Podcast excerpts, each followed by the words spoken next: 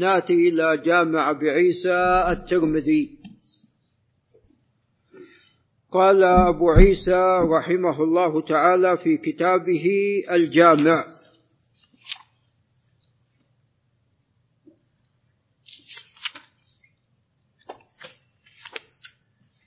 في كتاب أبواب فضائل الجهاد.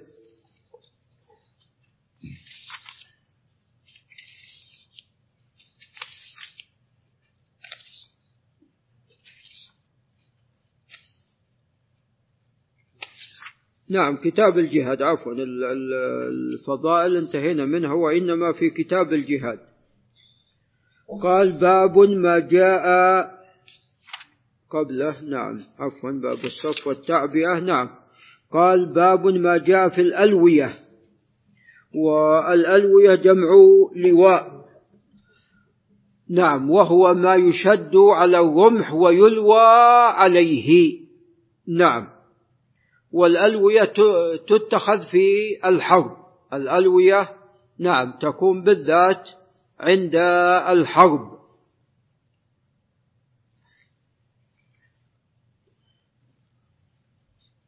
قال حدثنا أبو كريب محمد بن العلاء الهمداني وهو ثقة حافظ توفي عام 48 أو 47 و200 قال ومحمد بن عمر بن الوليد الكندي. وهو ثقة.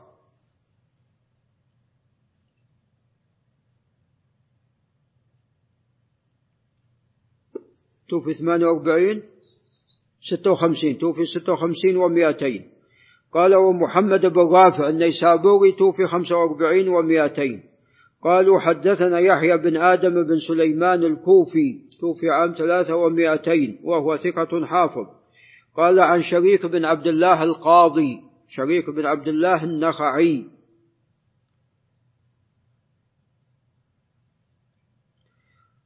وشريك تقدم تقسيم حديثه فيما سبق وأنه ثلاثة أقسام. ويحيى بن آدم فيما يظهر من قدماء أصحابه لأن تقدمت وفاة يحيى بن آدم. قال عن عمار الدهني وعمار هو بن معاوية.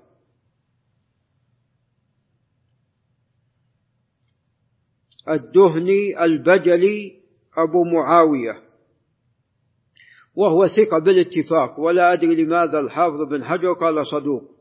توفي ثلاثة وثلاثين ومائة. قال عن أبي الزبير محمد بن مسلم بن تدرس أبو الزبير المكي وقد توفي ستة وعشرين ومائة وهو ثقة حافظ. قال عن جابر بن عبد الله بن عمرو بن حرام الأنصاري رضي الله تعالى عنهما أن النبي صلى الله عليه وسلم دخل مكة ولواؤه أبيض. وهذا الخبر لا يصح كما سوف يأتي.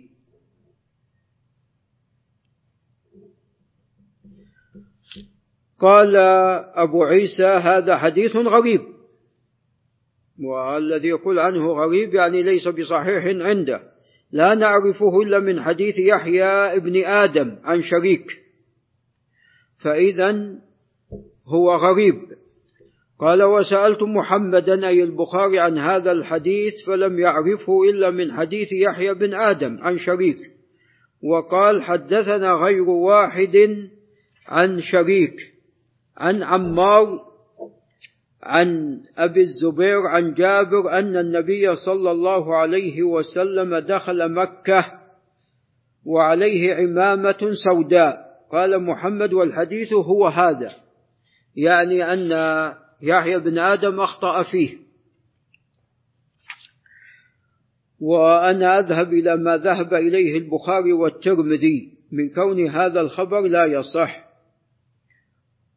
وأن يحيى بن آدم أخطأ فيه وأن الصواب هو أن النبي صلى الله عليه وسلم دخل مكة وعليه عمامة سوداء فهو أخطأ ودخل عليه حديث في حديث أن النبي صلى الله عليه وسلم دخل مكة ولواؤه أبيض. نعم ثم قال أبو عيسى والدهن بطن من بديلة. وبديلة الآن يعني موجودة في الحجاز وعلى طريق الجنوب وقسم منهم في العراق وقد دخلوا مع المنتفق. نعم. قال وعمار الدهني هو عمار بن معاوية الدهني ويكنى أبا معاوية وهو كوفي ثقة عند أهل الحديث. فلعله أبو صالح نعم يعلق نعم. الحارث ما موجود؟ موجود.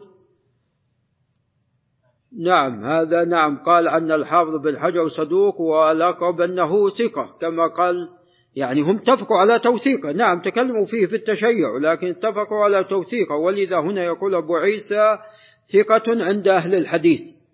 فهذا سجلة.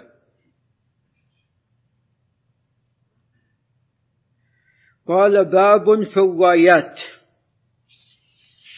فالأول قال باب ما جاء في الألوية ثم قال هنا الرايات وهذا يقتضي أن بينهما فرق عند أبي عيسى الترمذي وعند غيره من أهل العلم.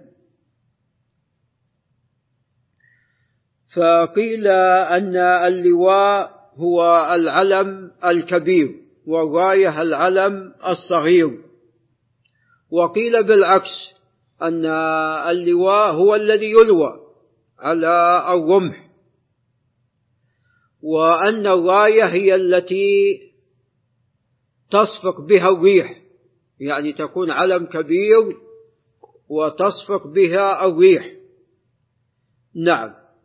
وقيل أن الراية هي التي يقاتل عليها صاحب الحرب بخلاف اللواء تكون مع الأمير. نعم. وفي الحقيقة أن الراية واللواء كلها تكون في الحرب كلها تكون في الحرب ويقاتل عليها ولها شأن كان فيما سبق. لها شأن. لأنه إذا سقطت الراية يعني هذا علامة على ماذا؟ على الهزيمة. نعم هذا علامة على الهزيمة. ولذا كان الذي يحمل الراية يعني عندما إن كان من المسلمين عندما يستشهد يبادر. يبادر غيره إلى حمل الراية نعم يبادر يبادر غيره إلى حمل الراية نعم لئلا يعني إذا سقطت ولا في أحد بيرفعها هذا قد يعني يفيد الهزيمة وبالتالي قد ينسحب الجند أو يعني يفر من يفر ويدع المعركة. نعم. فهي يعني مهمة غاية في الأهمية. وكان يعني الذين يحملون غاية بالذات يعني معروفين.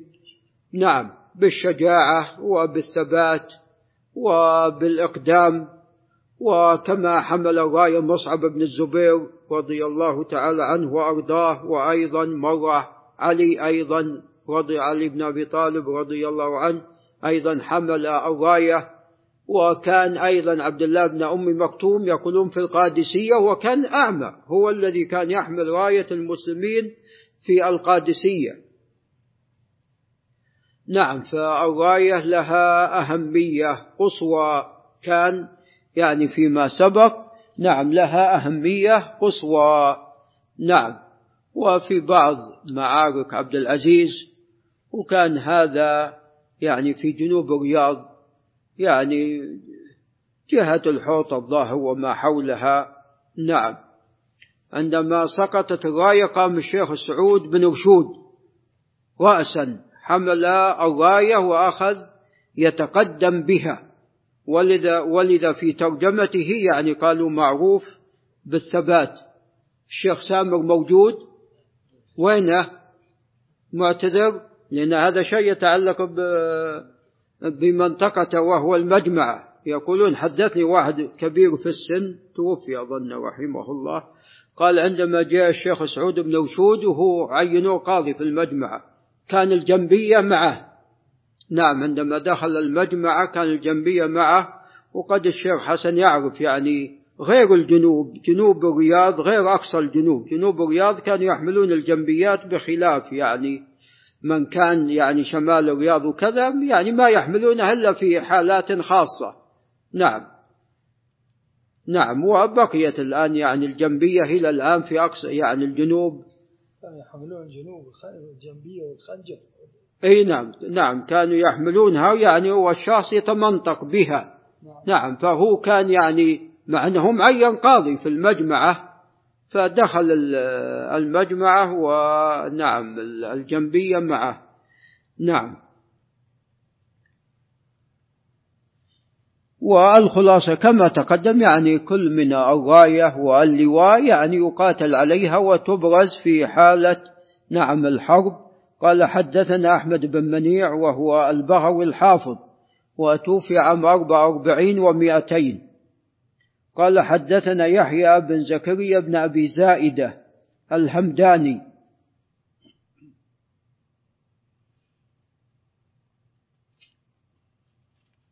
وتوفي عام ثلاثة وأربعة أو أربعة وثمانين ومائة وهو ثقة ثبت. قال حدثنا أبو يعقوب الثقفي. وأبو يعقوب سوف يأتي أن اسمه إسحاق بن إبراهيم.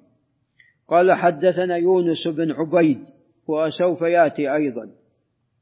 بإذن الله. مولى محمد بن القاسم. قال بعثني محمد بن القاسم. محمد بن القاسم الثقفي. وهو قائد من قادات الحرب. قائد من قادات الحرب في عهد بني أمية. ويلقب بفاتح السند ويقولون كان يعني تولى القيادة وهو عمره ثمانية عشر سنة أو نحو ذلك. عندما تولى القيادة رحمه الله تعالى.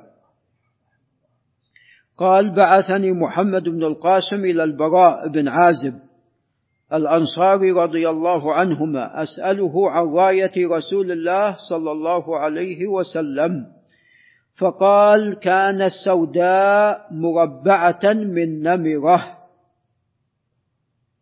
والنمرة يقول ابن الأثير كل شملة مخططة. نعم. وجمعها نمار كأنها أخذت من لون النمر لما فيها من السواد والبياض الخطوط.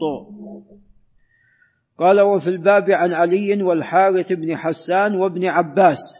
قال أبو عيسى هذا حديث حسن غريب لا نعرفه إلا من حديث ابن أبي زائدة. قال وأبو يعقوب الثقفي اسمه إسحاق بن إبراهيم وروى عنه أيضا عبيد الله وروى عنه أيضا عبيد الله بن موسى. قلت أبو يعقوب الثقفي منكر الحديث وقد لا يكتب حديثه. وشيخه يونس بن عبيد لا يعرف. قال الزبير لا يدرى من هو.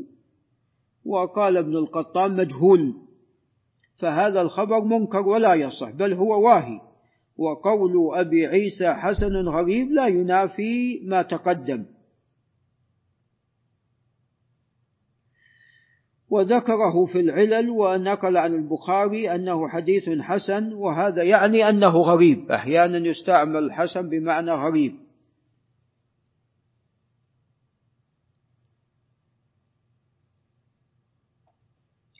نعم.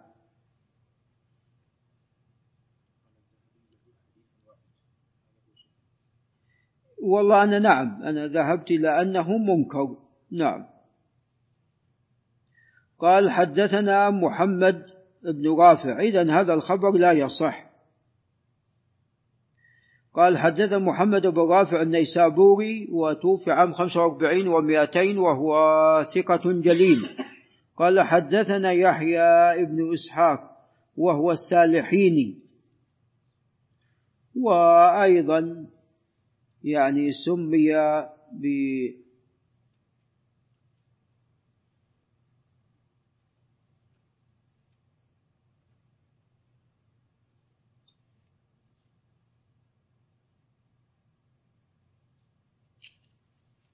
السيلحيني. نعم.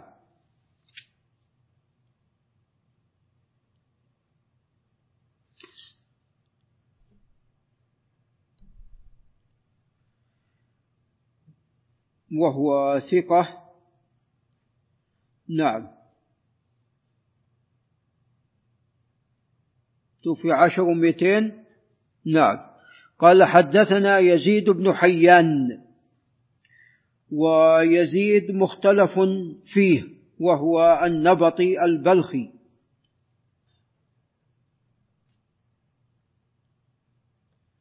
ولعله لا يحتج به. قال سمعت أبا مجلز لاحق بن حميد وهو ثقة يحدث عن ابن عباس رضي الله عنهما قال كانت راية النبي صلى الله عليه وسلم سوداء ولواؤه أبيض. وهذا الخبر لا يصح. قال البخاري عن يزيد عنده غلط كثير. والخبر أيضا فيه غرابة في الإسناد. وأخشى أن أبا مجلز لم يسمعه من ابن عباس. فهذا الخبر أيضا لا يصح.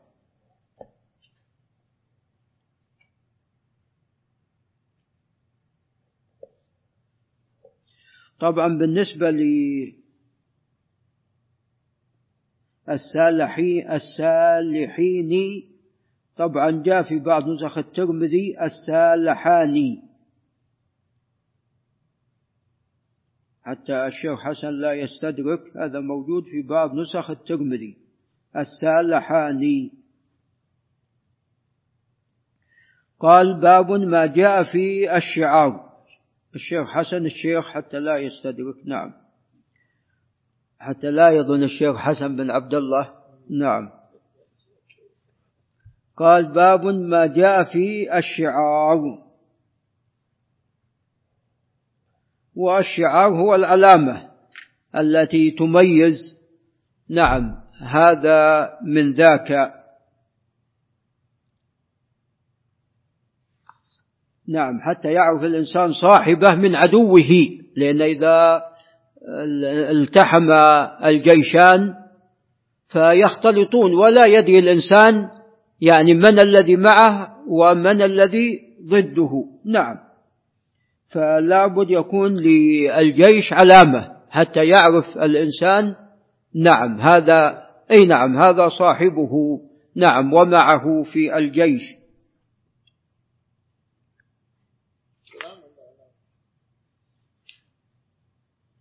نعم.